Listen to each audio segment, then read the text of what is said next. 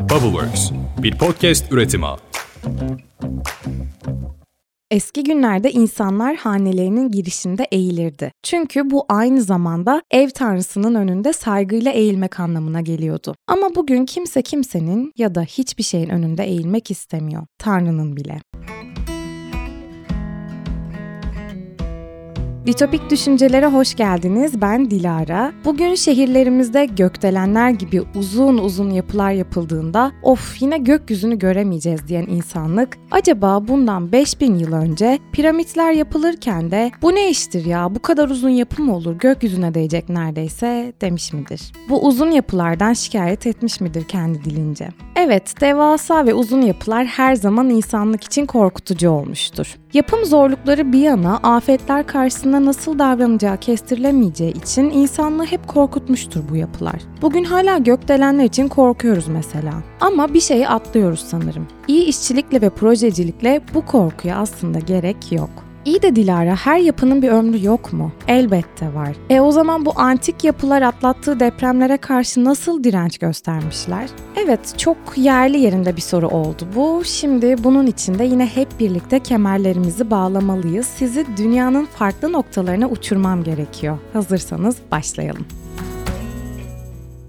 Dünya yedi kıtada eski zamanların birçok mimari harikasıyla bezenmişti. Bu eski yapılar ve anıtlar kültür ve tarihi temsil ederek bizlere yüzyıllardır benzersiz yapısal yetenekleriyle özel hikayeler sunuyorlar. Tabii ki bu yapılar hikayelerini günümüze kadar taşırken coğrafyaların hareketlerine de kayıtsız kalmaları mümkün değildi. Özellikle deprem coğrafyasında olan antik yapılar nasıl oluyordu da yeryüzünün hareketlerine böylesine dayanıklı kalarak günümüze kadar gelmişlerdi? Yüzyıllar önce yapılan bu yapıların sihri neydi? Bu sorunun cevabını öğrenmek için ilk rotamız tabii ki bundan 5000 yıl önce yapılan piramitlerin toprakları Mısır. Evet, Mısır'dayız. Neden buradayız? Çünkü şunu anlamak istiyoruz. Bir tarafta yenileri dahil olmak üzere yıkılan binalarımız, öbür tarafta yüzyıllarca depremler karşısında yıkılmayan piramitler. Şimdi ister istemez bu durumu merak etmeden duramıyorsunuz. Bu iş nasıl oluyordu? Bildiğimiz en ünlü piramitler Mısır piramitleri ve Gize'de yer alıyorlar. Gize piramitlerinin en büyük üçü Menkaure piramidi, Kefren piramidi ve Keops piramidi. Ama biz antik dünyanın yedi harikasından biri olan UNESCO Dünya Miras Listesi'nde yer alan Büyük Gize Piramidi olan Keops Piramidi'ne odaklanacağız. Çünkü Keops piramidi diğer piramitlere göre daha iyi malzemelerle, mimariyle ve mühendislikle yapılmıştı. Keops M.Ö. 2550'den M.Ö. 2490 yılına kadar 3 firavun tarafından inşa edilmişti. Ve bugün olduğu gibi o zamanda devasa bir izlenim yaratıyordu. Peki Mısırlılar neden bu kadar devasa yapılar yapmışlardı? Çünkü burada yine karşımıza inanç çıkıyor. Antik Mısır'ın devasa piramitleri inanç katmanlarıyla giderek genişlemişti. Yani metaforik olarak. Şöyle ki Antik Mısır'da insanların ölümünden sonra güneşe çıktığına inanılırdı. Ve bunun için piramitler oldukça önemli bir rol oynuyordu. Yani buna inanılarak inşa edilmişlerdi. Peki piramitler sağlam kalmayı nasıl başarmışlardı? Aslında piramitleri bu başarıya ulaştıran inşa edilirkenki amacıydı. Antik Mısırlılar ölümden sonra sonsuz bir yaşam olduğuna inanıyor ve inşa ettikleri yapılarında sonsuza kadar ayakta kalmasını istiyorlardı. İşte sadece bu yüzden bile piramitlerin sonsuz bir ömrü olmalıydı. Bakıldığında Mısır'da aktif ve birinci dereceden bir fay hattı yoktu. Ama hemen üzerinde bulunan ve bizim topraklarımız olan Anadolu Yarımadası, Ege, Girit, Kıbrıs, Arap Yarımadası deprem konusunda oldukça hareketli bölgelerdi ve buralarda olan depremlerden tabii ki piramitler de oldukça etkilenebiliyordu. Özellikle Mısır'ın İskenderiye limanındaki küçük Faros adasında bulunan ve tüm deniz fenerlerinin ilk örneği olan İskenderiye fenerini de büyük ölçüde yıkan milattan sonra 1303'teki deprem piramitlerin de etkilenmesine neden oldu ama hiçbir zaman piramitler günümüzde farklı şekillerde yıkılan binalar gibi çok büyük ölçüde yıkılmadı ve hasar almadı. Yani elbette hasarlar aldılar ama bir şekilde ayakta kalmayı başardılar adeta zamana meydan okudular diyebiliriz. Tabii ki bunların belli başlı sebepleri var. Özellikle de Büyük Piramit dediğimiz Keops depreme karşı dayanıklı olacak şekilde inşa edilmişti. Şiddetli depremlerin bile sarsıntılarına dayanabilecek şekilde tasarlanmıştı ve 4500 yıldır belirli aralıklarla çeşitli depremlere maruz kalıyordu.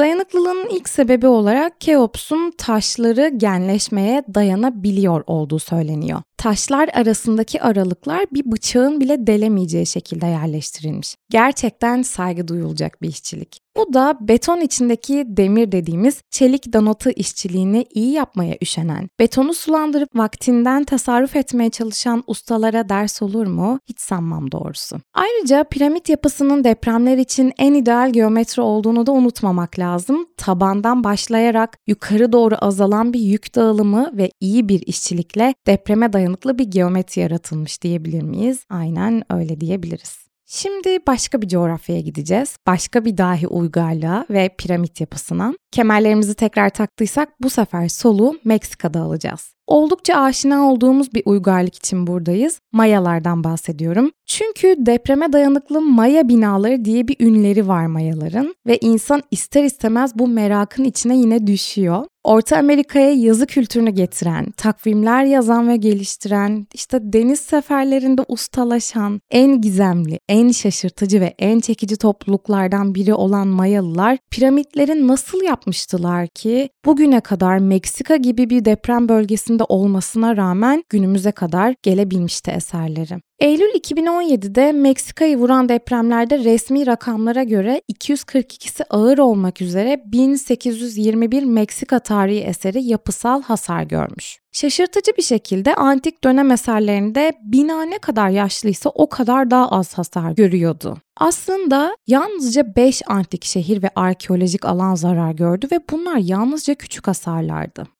2000 yıllık yapıların bu kadar uzun süre depreme dayanıklı kalmasını sağlayan antik piramit yapımcılarının sırrı neydi? Orta Meksika'daki yani Guatemala'daki rotamız için antik Maya şehri Tikhal'e gidiyoruz. Antik Maya şehri Tikal önce 600 ile sonra 900 yılları arasında gelişim göstermiş bir antik şehir. Tikal önce küçük ve gösterişsiz köylerden ibaret bir şekilde büyürken sonraları iki düzineden fazla devasa piramide sahip görkemli bir Maya şehri devleti haline gelmiş. Antik Mezoamerika deniliyor Tikal'in olduğu yere. Antik Mezoamerika'nın en yüksek yapısı olan da Tikal'deki Guatemala ormanında 47 metre yüksekliğindeki The Great Jaguar dedikleri birinci tapınak için buradayız. Maya mimarları deneyimlerinden ve sezgilerinden bundan sonra daha yüksek bir şey inşa etmenin büyük bir depremde yıkılma riskinin olacağını biliyorlardı. Aynı zamanda basit bir sağduyuya da sahiplerdi. Taşkınlardan ve diğer afetlerden kaçınmak için anıtlarını yüksek bir yere inşa etmeleri gerektiklerini biliyorlardı. Bu sağduyu 1980'ler ve 2000'ler Türkiye'sinde yoktu biliyorsunuz ki. Ayrıca yüzyıllar boyunca yeni teknikler geliştiren Mayalılar kutsal dağları taklit edecek şekilde şekillendirdikleri piramitleri taş bloklar kullanarak geniş, sağlam temeller üzerine dikmişlerdi. Her seferinde aslında geçmişten öğrendiğimiz bir şeyler oluyor görüyorsunuz ki. Bu yapı tekniğinin daha kararlı ve dayanıklı olduğunu zamanla öğrenmişler. Ayrıca malzemelerindeki muhtemelen taşlardaki elastikiyeti de arttırmışlardı. Ama başarılarının arkasında bu temel ilkelerin ötesinde başka şeyler de vardı. Ki gerçekten de vardı. Bu çevrelerindeki doğal ham maddeler ve onların yapısal nitelikleri hakkında derin bir bilgiye indiriyordu bizi. Bir yapı malzemesi olan kireç taşına. Belki de bu taşlardaki elastikiyeti de bu sayede arttırmışlardı. Bununla ilgili tabii ki çok ciddi bir yazılı kaynak yok elimizde. Ama bu eserler yapılan analizler üzerine görülüyor ki bu benzer malzemeyi aslında Mısır'daki Gize piramitlerinin dış cephesinde de tarihin bir noktasına kadar görebiliyorduk ama ne yazık ki döneminin imparatorları piramitlerin cephesindeki bu beyaz kireç taşlarını söktürüp başka yapılarda kullanmışlardı. Yani aslında piramitler beyaz olarak görünüyordu. İşte bu bir başka coğrafyanın Meksika Guatemala'sındaki yerel kireç taşı Christopher Colomb öncesi Amerika'nın tümünde en iyi yapı malzemelerinden biriydi. Sadece taş ve tahta aletlerle eski Maya inşaatçılarının elinde olan tek aletler tabii ki bunlar. Kolayca taş ocağından çıkarılabiliyordu. Ve son olarak bölge genelinde kireçli çakıl yatakları vardı. Bunlar da bir tür doğal kireç çimentosuydu aslında. Bu da meşhur kireç taşının olayı ilkel ama dayanıklı bir taş olmasıydı. Yani Mayalılarda yığma mimari için gerekli 3 unsur mevcuttu. Kolayca işlenen yapı malzemesi, kireç ve harç yapmak için çakıl. Peki bu antik çağda çok meşhur olan kireç, bugün yaygın olarak şöyle söyleyebiliriz, sönmemiş kireç, işte inşaat kireci, günümüzde kullanılabiliyor muydu? Yani aslında kullanılabiliyor ama hem pahalı, hem uygulaması daha zor, hem de cildi yakabiliyormuş. Ayrıca bunun yerine elbette teknolojik başka gelişmeler de günümüzde mevcut. Şimdi son durağımıza gidiyoruz. Benim bu dünyadaki en çok gitmek istediğim yerlerden biri ve biliyorum ki adını söyleyince çoğunuz da bana katılacaksınız. O büyülü yere gideceğiz şimdi. Tabii ki Machu Picchu'ya. Neyse evet şimdi kemerlerinizi bağladıysanız Peru'ya doğru yola çıkıyoruz. Peki kim yapmıştı bu sıra dışı yerleşimi? Güney Amerika'da Ant Dağları bölgesinde yaşamış, büyük bir imparatorluk kurmuş olan İnkalardan bahsediyoruz. İnka medeniyeti her mevsim sıcak, nemli ve yağışlı olan ekvatoral iklim bölgesinde yaşamaya en elverişli yerler yüksek kesimler olduğu için yaşam alanı olarak yüksek yerleri seçmişlerdi.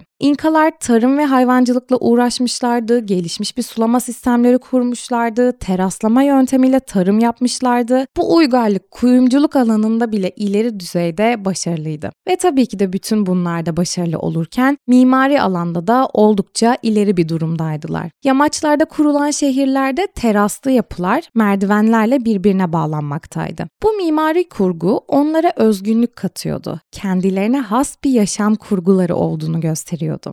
Toplum köylüler ve zanaatkarlar, yerel yöneticiler ile merkezi yöneticiler olmak üzere 3 sınıftan oluşmaktaydı. Bu sınıflar arasında geçiş yapmak da zordu. Bu nedenle bir nevi kast sistemi yani sosyal sınıflandırma bulunmaktaydı İnkalarda. Ayrıca İnkalar matematik ve astronomi alanında da ilerlemiş bir uygarlıktı. Bu uygarlık hem ay hem de güneş takvimini geliştirmişti. Tabi dolayısıyla bu durumda onları doğal afetlere karşı kayıtsız olmayan bir topluluk olmaya hazırlıyordu. Tepelerde kurularak matematikle inşalarını gerçekleştiren bu akıllı uygarlık resmen işleyen bir yerleşik hayat kurmuştu kendine. Ve elbette Machu Picchu'nun konumu bir tesadüf değildi. Peki 100 yıl önce keşfedilen bu sıra dışı yerleşimin sırrı neydi? İnkaların Güney Amerika'nın Ant dağlarındaki yaklaşık 2500 metre yüksekliğindeki ince bir sırt tepesinde kurduğu Machu Picchu kenti hem uzaklığı hem de depreme dayanıklı özel kesim taş bloklarından yapılmış binalarıyla insanlığın en büyük mimari başarılarından biri olarak kabul ediliyor.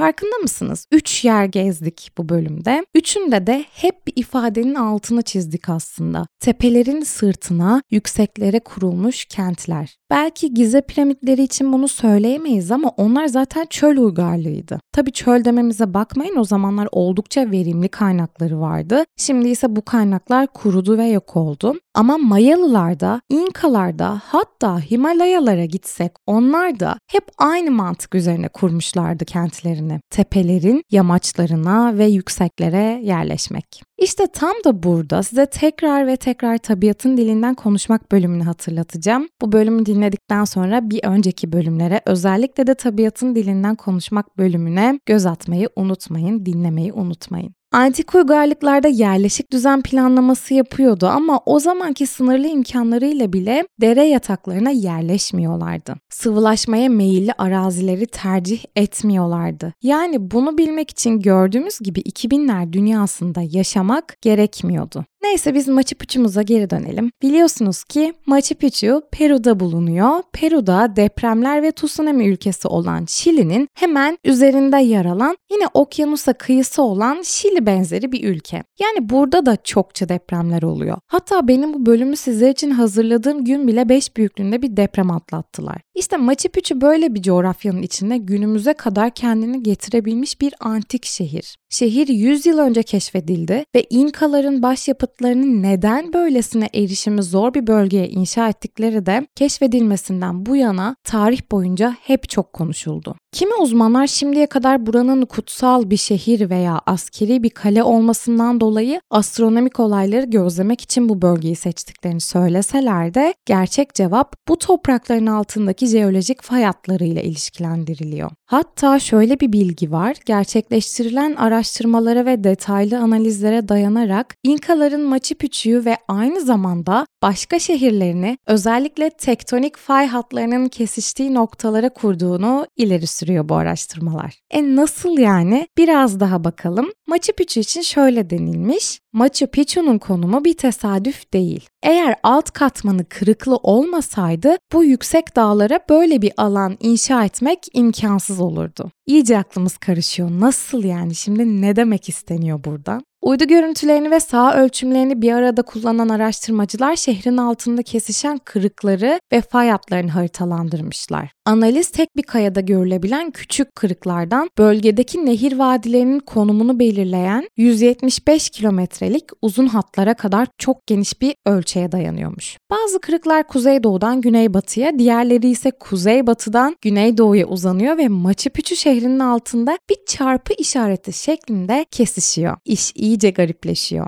Haritalandırmaya göre şehrin farklı kısımlarındaki tarımsal arazilerin, bina ve merdivenlerin yönlerinin bu başlıca fay hatlarıyla örtüşecek şekilde konumlandırdığını gösteriyor. Uzmanlar bu durumu bu yerleşim planı açıkça sahanın altında yatan kırık matrisini yansıtıyor diye yorumluyor. Ve devamında yapılan çalışmalar İnka şehirlerinin fay hatlarının kesişimlerinde bulunduğunu ve ana doğrultularının tamamen uyuştuğunu gösteriyor. Şimdi bu sonuçlara göre Machu Picchu'nun altındaki kırık ve fay ağı bize başka bir şeyin peşinden gitmemiz gerektiğini söylüyor. Şehrin efsanevi taş işçiliğinin. Herhangi bir harç ya da sıva kullanılmadan inşa edilen binalardaki taşlar birbirlerinin üzerine aralarına bir kredi kartı dahi sokulamayacak kadar mükemmel oturduğunu gösteriyor. Alın işte. Bu da size tanıdık geldi mi bir önceki lokasyonumuzdan? Yani Guatemala'dan, Tikal tapınaklarından. Taş işçiliğinde usta olan İnkaların fay bölgelerinde yapı malzemelerinin bolca bulunmasını fırsata çevirdiklerini rahatlıkla söyleyebiliriz. Buradaki depremlerle oluşan yoğun kırılma dayanıksızlığa sahip düzlemler boyunca kayaları kırarak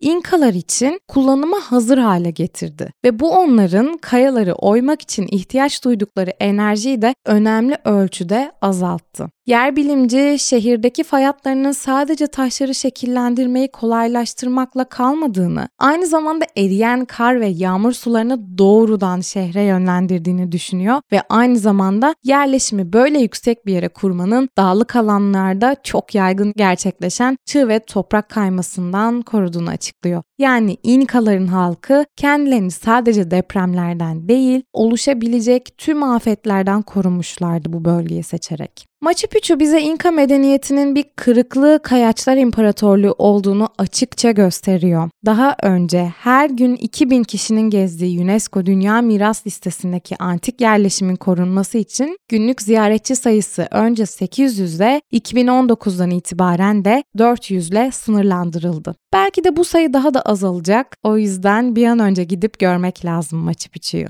Bugün üç farklı coğrafyaya gittik. Önce Mısır'da piramitlerle başlayan yolculuğumuza Meksika, Guatemala'da devam ettikten sonra son noktayı Peru'da favorimiz olan Machu Picchu ile yaptık. Ve hepsinde aynı şeyi gördük. Bu antik yapıların depremlere, afetlere, zamana direnci üç önemli faktörle yüzyıllar boyunca sağlanabilmişti. Bölümün başında gökdelenlere bakıp korkmamız karşısında dediğim gibi bir şeyi atlıyoruz sanırım. İyi işçilikle ve projecilikle bu korkuya gerek yok. Yani bu üç önemli faktör varsa yapınızda, işte bu üç farklı coğrafyadaki üç örnek gibi yüzyıllara meydan okuyabilir. İyi malzeme, iyi işçilik, iyi bölge seçimi. Belki de atlattığımız depremlerden sonra bir yılda yeniden yapılandırılmasına söz verilen şehirlerimiz için doğru kaynaklardan ilham bulmaya çok uzaklara gitmeleri gerekebilir. Ne de olsa yüzyıllar önce bu uygarlıklar kadar doğru kararlar verememiştik, değil mi?